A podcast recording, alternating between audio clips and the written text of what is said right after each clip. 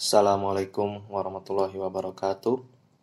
Oke, pagi ini kita mau membacakan sebuah risalah ringkas karya Tengku Muhammad Hasbi As-Sidiki yang berjudul Dinamika dan Elastisitas Hukum Islam. Langsung saja kita mulai. Bagian pertama, fikih Islam, ruang lingkup dan pasang surutnya. Takrif syariat, fikih, dan hukum Islam. Fakultas-fakultas hukum mempergunakan istilah hukum Islam untuk kuliah-kuliah yang membahas masalah-masalah perkawinan, warisan, wasiat, dan wakaf. Karenanya, terkenalah dalam masyarakat sarjana hukum istilah istilah tersebut dan lenyaplah istilah fikih Islam dan istilah syariat Islam. Bahkan akhir-akhir ini banyak orang yang mengidentikan istilah fikih Islam dengan kokolotan dan kejumudan atau kebekuan. Untuk menemukan kembali pengertian-pengertian yang sebenarnya dari istilah-istilah ini, perlulah kita mempelajarinya dan sejarah perkembangan istilah-istilah itu dengan seksama. Takrif atau definisi syariat. Syariat dalam ketentuan bahasa Arab bermakna jalan yang lempang. Dalam istilah ahli fikih Islam ialah hukum-hukum yang Allah tetapkan untuk para hambanya dengan perantaraan Rasulnya agar diamalkan dengan penuh keimanan, baik hukum itu berpautan dengan amaliyah atau berpautan dengan akidah dan akhlaknya. Dan dibuat syariat adalah untuk melepaskan manusia dari tekanan hawa nafsu dan menanam ke dalam dada manusia perasaan tunduk kepada aturan-aturan ilahi untuk memelihara tubuh masyarakat dengan jalan memelihara panca darurat agama, jiwa, akal, keturunan, dan harta. Syariat Islam itu adalah penutup segala syariat yang mencakup segala hukum dunia dan agama, bukan hanya terbatas pada masalah-masalah kejiwaan saja dia melengkapi hukum akidah yang masalah-masalahnya diperkatakan oleh ilmu kalam atau oleh al-fiqhul akbar. Dia melengkapi hukum akhlak yang dibahas dalam ilmu akhlak sebagaimana melengkapi hukum-hukum amaliyah yang menjadi objek fikih Islam. Demikianlah asal-usulnya pengertian syariat. Pada akhir-akhir ini, fukoha mutaakhirin telah mengidentikan istilah syariat dengan istilah fikih yang sudah dibatasi pengertiannya. Takrif atau definisi fikih. Fikih menurut pengertian bahasa Arab berarti memahami sesuatu secara mendalam. Kemudian, istilah ini dipergunakan untuk nama bagi hukum-hukum agama, baik yang mengenai hukum akidah maupun yang mengenai hukum amaliyah. Kemudian, para ahli mempergunakan istilah fikih untuk dua pengertian. A. Menggarap hukum-hukum tersebut dan mengeluarkannya dari sumber-sumbernya. B. Nama bagi hukum-hukum itu sendiri. Tak ada perbedaan antara sesuatu hukum dengan yang lain. Kemudian, sesudah pemerintahan Islam berkembang dan masuk ke dalamnya bangsa Persia dan lain-lain yang menyebabkan para ulama perlu menggali hukum dari kitabullah dan sunnah Rasul, maka kata fikih dibatasi pengertiannya. Dijadikan nama bagi hukum syarak yang amaliyah yang digarap dari dalil-dalilnya. Dalam pada itu, mereka memakai juga kata fikih untuk nama hukum sendiri.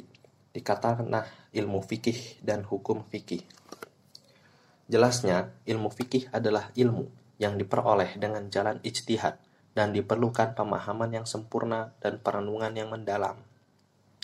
Berkenaan dengan perkembangan pemakaian lafaz syariah dan lafaz fikih, maka berkumandanglah istilah Islam itu akidah dan syariah, atau Islam itu merupakan kepercayaan dan hukum-hukum yang harus diamalkan.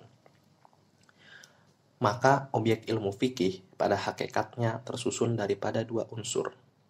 Pertama, hukum yang kedua adalah dalil hukum. Apabila dikatakan riba itu haram, disebutlah dalilnya. Wah, ahalallahu bai'a wa riba. Walaupun hukum-hukum fikih diambil dari kitabullah dan sunnatul rasul, namun kadang-kadang apabila tidak diketemukan nash, diambil dari ruh syariat dan dari maksud-maksudnya. Inilah yang merupakan lapangan luas dari ijtihad. Pengertian hukum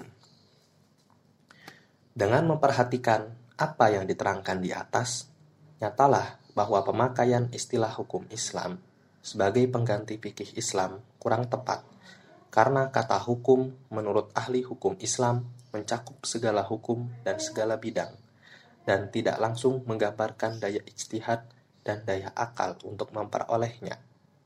Lebih tidak tepat lagi apabila dibatasi pengertian hukum Islam dalam empat bidang saja, yakni bidang perkawinan, bidang wasiat, bidang warisan, dan bidang wakaf. Banyak orang tidak tertarik hatinya mendengar istilah fikih Islam.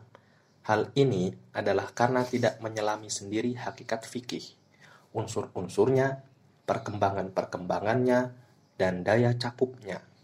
Mereka hanya mendengar kritik-kritik kaum orientalis terhadap sebahagian faham ulama-ulama fikih yang taklid yang menjadi ikutan masyarakat belakangan ini. Maka seringlah terdengar dalam masyarakat kaum pembaharuan istilah fikih sentris. Ruang lingkup hukum Islam Kebulatan dan kelengkapan hukum Islam Fikih Islam adalah suatu tata aturan yang umum yang mencakup hubungan antara manusia dengan holiknya, sebagaimana mengatur hubungan manusia dengan sesamanya. Para ulama dahulu membagi fikih Islam kepada dua bahagian pokok. Pertama, hukum-hukum ibadat, yaitu hukum-hukum yang dimaksudkan daripadanya mendekatkan diri kepada Allah sendiri, seperti sholat, zakat, siam, dan haji. Kedua, hukum-hukum muamalat, yaitu hukum-hukum yang menggariskan hubungan manusia sesama manusia dalam bidang yang lain daripada bidang ibadat. Dalam bahagian ini diperhatikan maksud dan tujuan yang karenanya disyariatkan hukum. Hukum-hukum yang dimaksudkan daripadanya mendekatkan diri kepada Allah, memperoleh pahalanya di akhirat, dimasukkan ke dalam kategori ibadat. Hukum-hukum yang dimaksudkan daripadanya menyelesaikan kemaslahatan atau kepentingan hidup manusia di dunia ini dimasukkan ke dalam kategori muamalat Para ahli hukum Islam di zaman modern ini membagi fikih kepada beberapa bagian dan membagi bagian muamalat sesuai dengan pembagian undang-undang positif. Walaupun ahli hukum Islam berbeda pendapat dalam membagi masalah-masalah fikih, namun masalah itu dapat dijadikan enam kelompok. Kelompok pertama, problema yang berpautan dengan ibadat kepada Allah yang melengkapi sholat, zakat, siam, dan haji. Kelompok kedua, problema-problema yang berpautan dengan kekeluargaan, yaitu nikah, talak, hubungan darah, nafkah, dan yang bertalian dengan dia. Dan juga yang dalam istilah baru dinamakan hukum keluarga. Kelompok tiga, problema-problema yang berpautan dengan perbuatan manusia dan muamalah mereka satu sama lain dalam bidang harta dan hak, serta penyelesaian perkara-perkara khusumat. Kelompok ini dinamakan kelompok muamalat. Kelompok 4. Problema-problema yang berpautan dengan masalah perang dan jihad, yang di dalam istilah fikih dinamakan siar. Dalam pandangan ahli hukum, dimasukkan dalam hukum publik internasional. Kelompok 5. Problema-problema yang berpautan dengan pengadilan, pembuktian, cara yang harus ditempuh dalam mengadukan perkara yang dalam istilah fikih dinamakan murofaat atau acara. Kelompok 6. Problema-problema yang berpautan dengan akhlak yang dinamakan dengan adab. Kemudian, apabila kita pecahkan lagi bagian-bagian ini, Niscaya nyatalah bahwa fikih Islam melengkapi segala cabang undang-undang modern. Bahkan fikih Islam membahas masalah ibadat, yaitu masalah yang tak pernah disinggung-singgung oleh undang-undang buatan manusia. Hukum-hukum internasional yang umum Hukum-hukum yang mencakup dasar-dasar yang menentukan hubungan antara negara dalam masa damai dan perang, kita menemukan sepenuhnya dalam fikih Islam di bawah judul Asyar wal Jihad. Judul ini kita ketemukan dalam segala kitab fikih dari sanata madhab. Bahkan sebagian ahli hukum Islam menspesialkan pembahasannya dalam kitab tertentu, seperti Muhammad bin Al-Hasan dalam kitab Asyar, Al-Auza'i dalam kitab Asyar, dan juga Abu Yusuf. Tata aturan yang mengatur undang-undang dasar, undang-undang pemerintahan atau administrasi negara, kekayaan negara, dan tindak-tindak pidana dibicarakan para ahli fikih dengan sempurna pada beberapa bagian dalam kitab fikih. Undang-undang dasar, yaitu yang menentukan tata aturan pemerintahan, menentukan kekuasaan negara dan hubungan-hubungannya satu sama lain, serta hubungan dengan rakyat Demikian pula hak warga negara terhadap negara ditulis oleh ahli-ahli hukum Islam dalam kitab-kitab tertentu yang diberi judul Asia Satu Syar'iyah atau Al-Ahkamu Sultaniyah. Di antara kitab-kitab yang terkenal dalam bidang ini ialah Al-Ahkamu Sultaniyah karya Al-Mawardi, wafat pada tahun 450 Hijriah. Kemudian Al-Ahkamu Sultaniyah karya Abu Ya'la, wafat pada tahun 458 Hijriah, dan Asia Satu Syar'iyah, karya Ibnu Taimiyah, wafat pada tahun 728 Hijriah. Hukum-hukum yang mengatur ketentuan-ketentuan yang menjadi pedoman dalam pemerintahan dan pengendalian negara yang masuk ke dalam undang-undang keuangan, jalan-jalan memperoleh kekayaan negara, dan cara-cara menggunakannya dibahas dalam kitab Al-Ahkamu Sultaniyah. Hukum-hukum yang hanya mengenai kekayaan negara saja dibahas dalam kitab-kitab tertentu. Di antaranya kitab Al-Kharaj wal Amwal karya Abu Yusuf, Al-Kharaj karangan Yahya bin Adam, dan Al-Amwal karangan Abu Ubaid. Hukum-hukum pidana yaitu hukum-hukum yang menerangkan tindak pidana yang dapat dijatuhi hukuman dan kadar hukuman dibicarakan dalam kitab-kitab fikih di bawah judul Al-Jinayat wal Hudud wat Takzir. Fikih Islam melengkapi pula segenap cabang undang-undang khusus, yaitu hukum sipil. Hukum ini dibicarakan dalam bagian muamalat, sedang yang mengenai kekeluargaan dibahas di bawah judul Al-Ahwalu Syakhsiyah atau munakahat menurut istilah lama. Hukum dagang, hukum yang berkenaan dengan perdagangan. Para ahli fikih membahasnya dalam bab syirkah, mutorobah, dan tafsili atau pailit. Kemudian hukum acara hukum-hukum yang menerangkan apa-apa yang dilakukan untuk menerapkan hukum-hukum perdata dan dagang. Dibahas para fukoha dalam bab peradilan, gugatan, dan kesaksian. Mengenai hukum internasional yang khusus, yaitu kumpulan khusus yang menerangkan kedudukan pengadilan dan undang-undang yang harus ditetapkan dalam perkara-perkara yang bersangkutan dengan orang asing, dibahas para fukoha dalam memperkatakan kedudukan ahlu zimmah, kedudukan mustakmin, kedudukan harbi atau warga negara musuh dalam bab jihad. Dengan uraian yang sangat ringkas ini, jelaslah bahwa fikih Islam benar-benar merupakan suatu koleksi hukum yang bulat, lengkap, dan tuntas, yang mempunyai daya dinamika yang tak ada taranya dan yang mempunyai daya elastisitas yang berkembang karena dia bersumberkan wahyu, bertitik tolak daripada wahyu ilahi. Pasang surut fikih Islam Untuk mengetahui pasang surutnya fikih Islam, perlulah kita mengetahui periode-periode yang telah dilaluinya. Fikih Islam telah melalui tiga periode. Periode pertama, periode pertumbuhan, yaitu mulai dari tahun Nabi dibangkitkan menjadi Rasul hingga tahun 100 Hijriah. Muhammad Shallallahu Alaihi Wasallam diutus Allah untuk membawa dua buah kitab. Satu, kitab yang terbuka yang dibaca oleh segenap manusia, orang nyalang, orang buta, orang bodoh, orang pandai, orang tua, dan orang muda yaitu kitab yang terbentang di alam ini, yang diharuskannya kita mempelajarinya dengan seksama.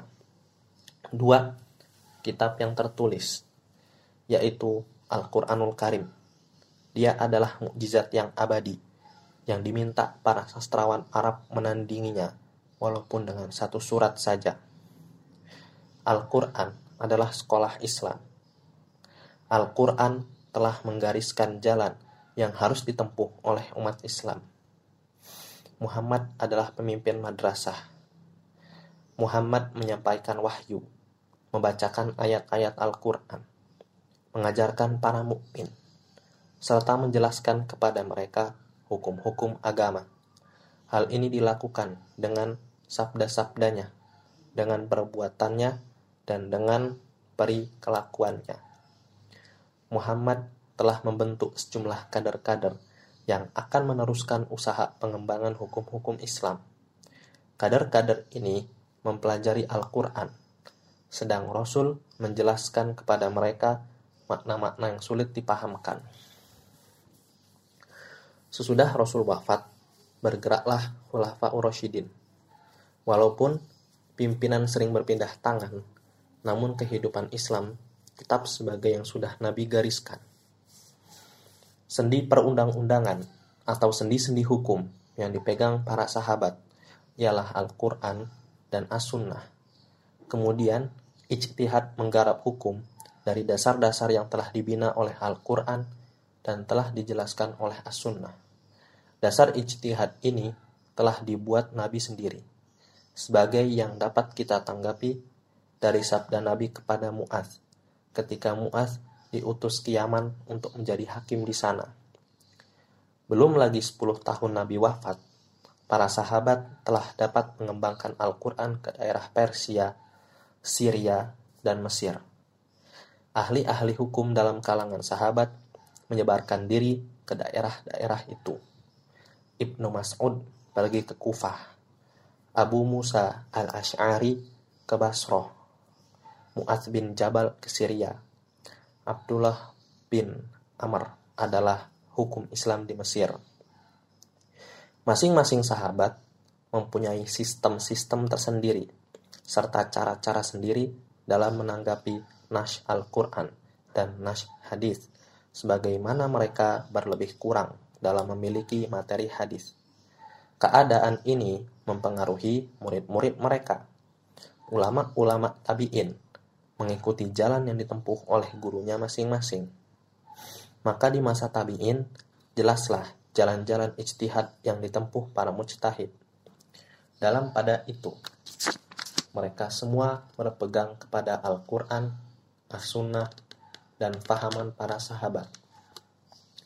Karena itu, berdirilah madrasah-madrasah fikih di Hijaz, Irak, Syria, Mesir, dan lain-lain. Tiap-tiap madrasah itu dipimpin oleh seorang imam dari tokoh-tokoh tabi'in. Madrasah Madinah dipimpin oleh Said bin Musayyab. Madrasah Mekah dipimpin oleh Atta bin Rabah. Madrasah Kufah dipimpin oleh Ibrahim An-Nakhai. Madrasah Basrah dipimpin oleh Al-Hasan Al-Bisri. Madrasah Syria dipimpin oleh Abu Idris Al-Khailani. Madrasah Mesir dipimpin oleh Yazid bin Habib. Madrasah Yaman dipimpin oleh Tawus. Di antara madrasah-madrasah ini, hanya madrasah Madinah dan madrasah Kufah di Irak yang merupakan madrasah utama. Madrasah Hijaz Madrasah Hijaz mempunyai ciri yang berbeda dari madrasah Irak. Pemuka-pemuka madrasah Hijaz hanya berpegang kepada Al-Quran dan hadis saja, tidak mempergunakan daya pikir, daya akal, yang dalam istilah disebut ro'yu. Pemimpin madrasah ini, yaitu Said bin Musayyab, bersama dengan sahabat-sahabatnya berusaha mengumpulkan hadis-hadis Rasul dan fatwa-fatwa sahabat. Karena dapatlah dikumpulkan fatwa-fatwa Abu Bakar, Umar, Utsman, Ali, yang difatwakan sebelum menjadi khalifah. Fatwa-fatwa Aisyah, Ibnu Abbas, Ibnu Umar, Zaid bin Sabit, Abu Hurairah, Az-Zubair, dan Abdullah bin Amr. Banyak benar hadis dan fatwa sahabat yang dapat dihafal, hingga tidak perlu mempergunakan daya ijtihad untuk menemukan hukum. Sebabnya madrasah ini berpegang kepada nas saja, tidak mempergunakan daya akal, ialah karena guru-guru mereka seperti Abdullah bin Umar, Zaid bin Sabit, dan lain-lain hanya mempergunakan hadis. Amat takut menggunakan daya akal untuk menemukan hukum. Kemudian, karena di daerah Hijaz banyak penghafal hadis dan sedikit pula terjadi peristiwa-peristiwa baru yang memerlukan ijtihad untuk menemukan hukum. Di antara ciri khusus madrasah Hijaz ialah enggan menetapkan hukum bagi sesuatu peristiwa yang belum terjadi, dan mereka tidak begitu berat menentukan syarat-syarat yang diperlukan untuk menerima riwayat. Kemudian, Madrasah Kufah di Irak. Sebagai saingan dari Madrasah Hijaz, berdirilah, berdirilah di Irak sebuah madrasah yang menggunakan akal dan daya ijtihad untuk memperoleh hukum Madrasah ini dibina oleh Abdullah bin Mas'ud. Ilmu-ilmunya diwarisi oleh pemuka-pemuka muridnya. Di antara mereka itu ialah Alqamah bin Qais, guru dari Ibrahim An-Nakhai. Madrasah ini akhirnya dimanifestasikan oleh Abu Hanifah, pembangun madhab Hanafi. Sekolah ini berpendapat bahwa segala hukum syarak dapat dipahamkan maknanya dia diilatkan dengan bermacam-macam ilat. Mereka selalu membahas ilat-ilat hukum, yang lantaran ilat-ilat itulah hukum disyariatkan. Mereka selalu menjadi ilat. E, mereka selalu mencari ilat sebagai sumber hukum. Karenanya, apabila ilat hilang, hilang pula lah hukum. Berkembang prinsip ini di madrasah Irak adalah karena A. Para pemukanya dipengaruhi oleh sistem yang ditempuh oleh Ibnu Mas'ud yang berpangkal pada sistem Umar Ibnul Khattab yaitu menggunakan daya akal. B. Kurang berkembangnya hadis. Perawi-perawi hadis dari Rasul kebanyakan berdiam di Hijaz. C. Irak adalah suatu daerah yang jauh dari Madinah mempunyai beberapa adat istiadat baru yang belum ada di masa Nabi. Karena para fukoha harus menggunakan daya ijtihad untuk menetapkan hukum bagi masalah atau problema yang baru terjadi.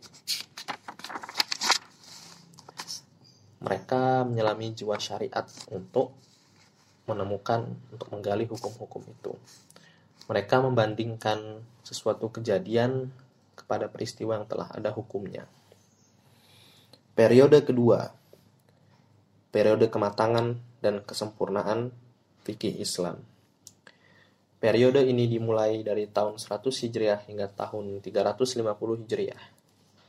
Fikih yang berkembang di masa Nabi melangkah ke dalam gelanggang ijtihad. Mereka mulai dari tahun 100 Hijriah. Berkembanglah daya ijtihad. Pada tahun 133 Hijriah, pemerintahan Islam dikendalikan oleh dinasti Abbasiyah Pemerintahan ini didirikan atas dasar agama dan politik. Karenanya, para khalifah menggerakkan para ulama mengembangkan ilmu dan fikih. Pemerintahan Abbasiyah menjadikan hukum-hukum agama sebagai undang-undang negara.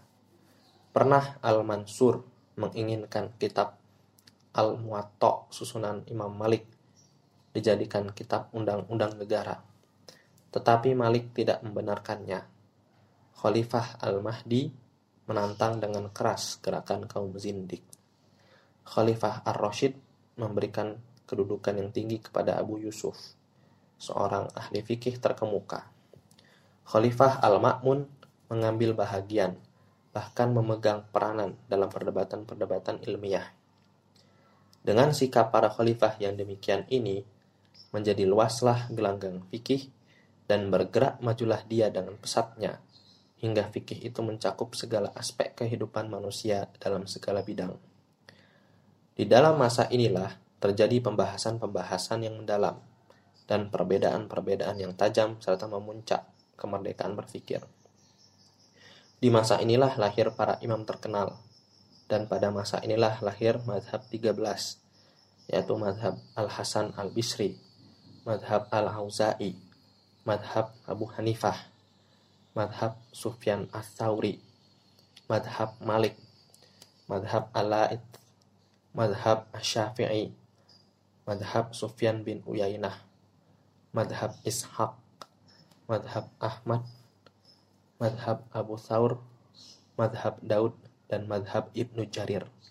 Di samping itu, ada lagi madhab imami, madhab zaidi, dan madhab ibadi. Dalam masa inilah terjadi pertentangan faham antara sekolah hadis pada satu pihak dengan sekolah ro'yu pada pihak yang lain. Tetapi kemudian Kedua-dua madrasah ini sepakat menetapkan bahwa mempergunakan akal dalam beristimbat, yaitu menggarap hukum, adalah jalan yang benar, asal dituruti ketentuan-ketentuan yang perlu yang diperlukan, yaitu ketentuan-ketentuan yang menjauhkan akal dari mengikuti hawa nafsu. Dalam masa inilah dibukukan bermacam-macam ilmu. Buku hadis yang tertua sendiri yang sampai ke tangan kita ialah Al-Muwatta karya Malik. Kitab-kitab Muhammad bin Al-Hasan, murid Abu Hanifah, dan kitab Al-Um karya Asy-Syafi'i. Inilah masa keemasan fikih Islam. Dalam masa inilah dari hasil ijtihad keikhlasan dan niat yang baik dari para mujtahid itu tersusunlah koleksi fikih, yaitu koleksi yang memperkatakan segala macam hukum yang mengatur hubungan antar warga negara antar golongan, dan antar negara. Hasil-hasil ijtihad para imam diwarisi oleh murid-murid mereka masa ke masa. Mereka pelajari dan mereka garap daripadanya hukum-hukum baru hingga menjadilah fikih itu suatu pohon besar yang dapat bernaung di bawahnya segenap anggota masyarakat. Fikih Islam itu berkembang ke seluruh daerah Eropa dalam masa kebangunannya menukilkan pendapat-pendapat pada mujtahid kita.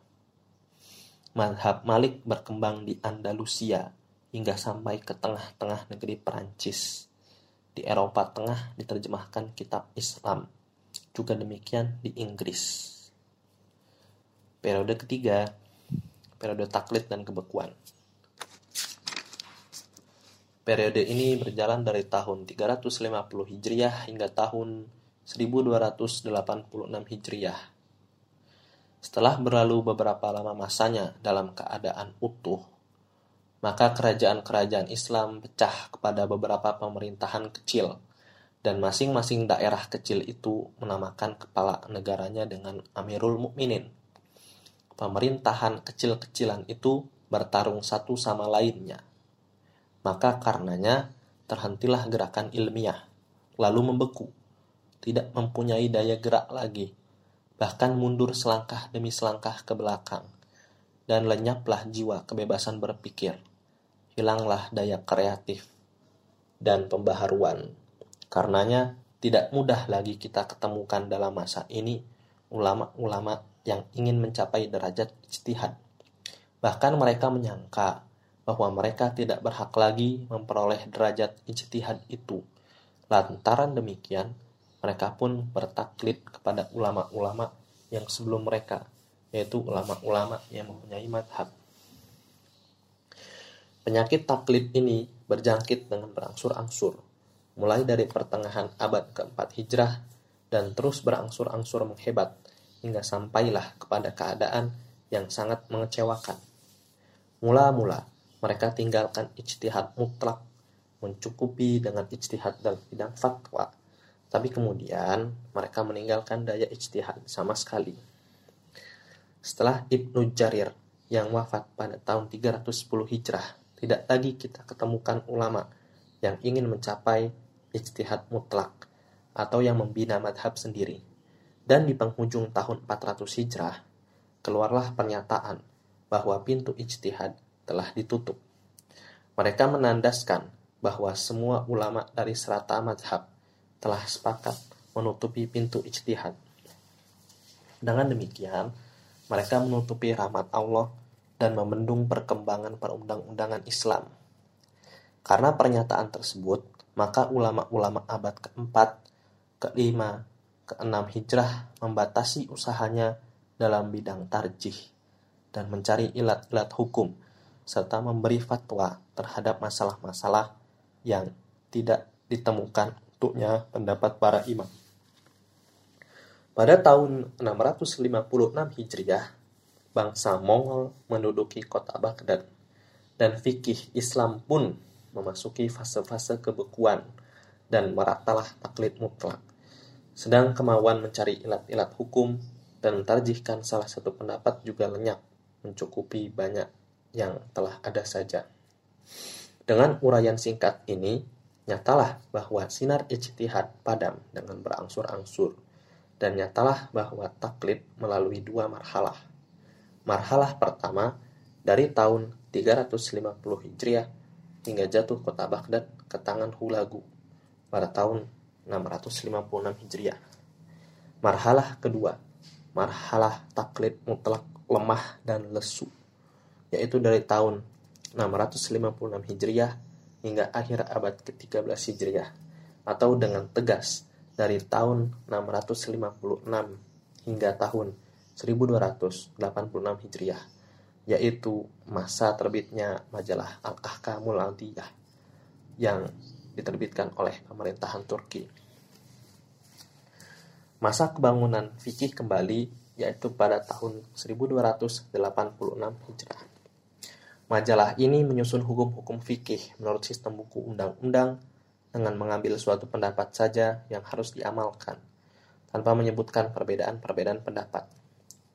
Majalah ini mengandung 1851 artikel yang disusun menurut sistem baru dan kadang-kadang mengemukakan sesuatu pendapat yang doif menurut madhab tetapi sesuai dengan kemaslahatan masyarakat. Di Mesir, lahir sebuah kitab yang disusun secara buku undang-undang mengenai masalah-masalah kekeluargaan, wakaf, warisan, dan lain-lain. Kemudian timbullah kemauan yang kuat di beberapa negara Islam di Mesir, di Syria, di Irak, untuk memanfaatkan fikih Islam dari serata madhab, terutama dalam bidang peradilan. Sesungguhnya, madhab yang banyak itu yang dianut oleh umat Islam pada hakikatnya kembali pada suatu pokok, yaitu agama Allah, dan ditimbakan dari satu sumur, yaitu kitabullah dan sunnatu rasul madhab-madhab yang berkembang, baik madhab-madhab empat yang terkenal maupun madhab-madhab yang lain yang tidak terkenal dan tidak dibukukan dengan sempurna, sebenarnya sama kedudukannya terhadap syariat. Pendapat ahli fikih sahabat tabi'in, tabi'ut tabi'in, seperti Ibnu Abi Layla, Ibnu Shubrumah, Ma'khul, Al-Auza'i, Al-Hasan, dan lain-lain haruslah dihargai dan dinilai seperti dihargai dan dinilainya pendapat Abu Hanifah, Malik, Asyafi'i, dan Ahmad. Tiadalah pada tempatnya kita mengharuskan umat mengikuti madhab tertentu dalam segala bidang, yang kadang-kadang tidak dapat menanggulangi kepentingan-kepentingan masyarakat. Padahal dalam mazhab lain ada dasar untuk menanggulangi kemaslahatan itu. Inilah gerangan sebabnya dalam masa modern ini timbul usaha menggali hukum-hukum Islam yang diterapkan ke dalam masyarakat dari segenap madhab untuk mendapatkan kemudahan dan supaya dapat berjalan seiring dengan jiwa syariat yang selalu berusaha menghindarkan kepicikan dan kesempitan dari masyarakat.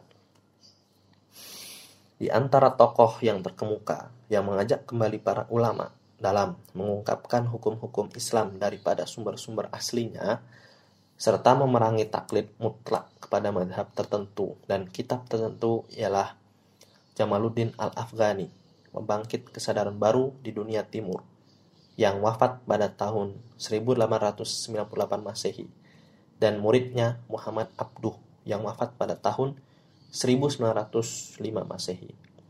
Muhammad Abduh membuhur jalan yang harus ditempuh untuk berijtihad dan memerangi taklid dengan menggunakan penafsiran Al-Quran sebagai dasar untuk membangun kembali kemerdekaan berpikir. Tafsirnya didasarkan atas sembilan sendi. Satu, memandang tiap surat sebagai satu kesatuan. Dua, menetapkan bahwa Al-Quran adalah kitab yang universal. Tiga, menetapkan bahwa Al-Quran adalah sumber pertama bagi perundang-undangan Islam. Empat, memerangi taklid. Lima, menggunakan daya fikir dengan menggunakan cara-cara berpikir yang ilmiah.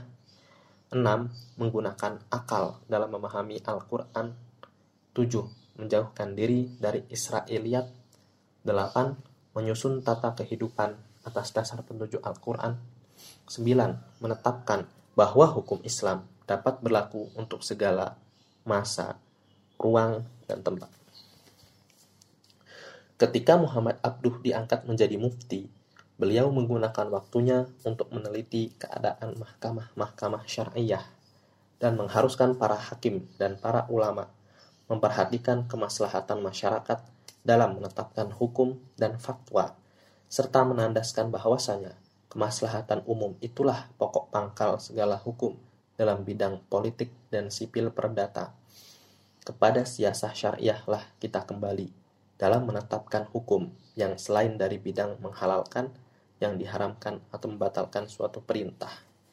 Muhammad Abduh berkata, seyogyanya lah bagi para fukoha mempunyai majelis diskusi yang digunakan untuk berdiskusi untuk mencari mana yang baik diamalkan di antara pendapat-pendapat yang banyak. Oleh karena sering kedapatan bahwa ada hukum yang dikuatkan karena mengingat kemaslahatan masa dan tempat, baiklah hal ini diperhatikan oleh hakim. Dan hukum yang demikian keadaannya tidaklah menjadi hukum yang umum. Janganlah kita berpendapat bahwa pendapat seorang ahli fikih harus diikuti di segala masa dan tempat Syariat Islam adalah syariat yang umum, universal abadi hingga akhir masa dunia. Karenanya, haruslah kita bersesuaian dengan kemaslahatan masyarakat di segala masa dan tempat. Walaupun keadaan dunia berubah-ubah. Syariat yang demikian kedudukannya tidaklah membatasi hukum-hukumnya pada apa yang telah ada saja. Karena dunia terus berkembang dan masyarakat terus meningkat maju. Allah telah menetapkan panca azas bagi syariat Islam, yaitu memelihara agama, memelihara jiwa, memelihara akal, memelihara kehormatan, dan memelihara harta. Karena kemaslahatan manusia di segenap masa tegak atas panca maksud ini. Dari panca maksud inilah ahli-ahli fikih mengeluarkan kaidah-kaidah kuliah dan hukum-hukum juz'iyah. Sekian untuk bagian satu. Nanti kita lanjut ke bagian dua. Wassalam.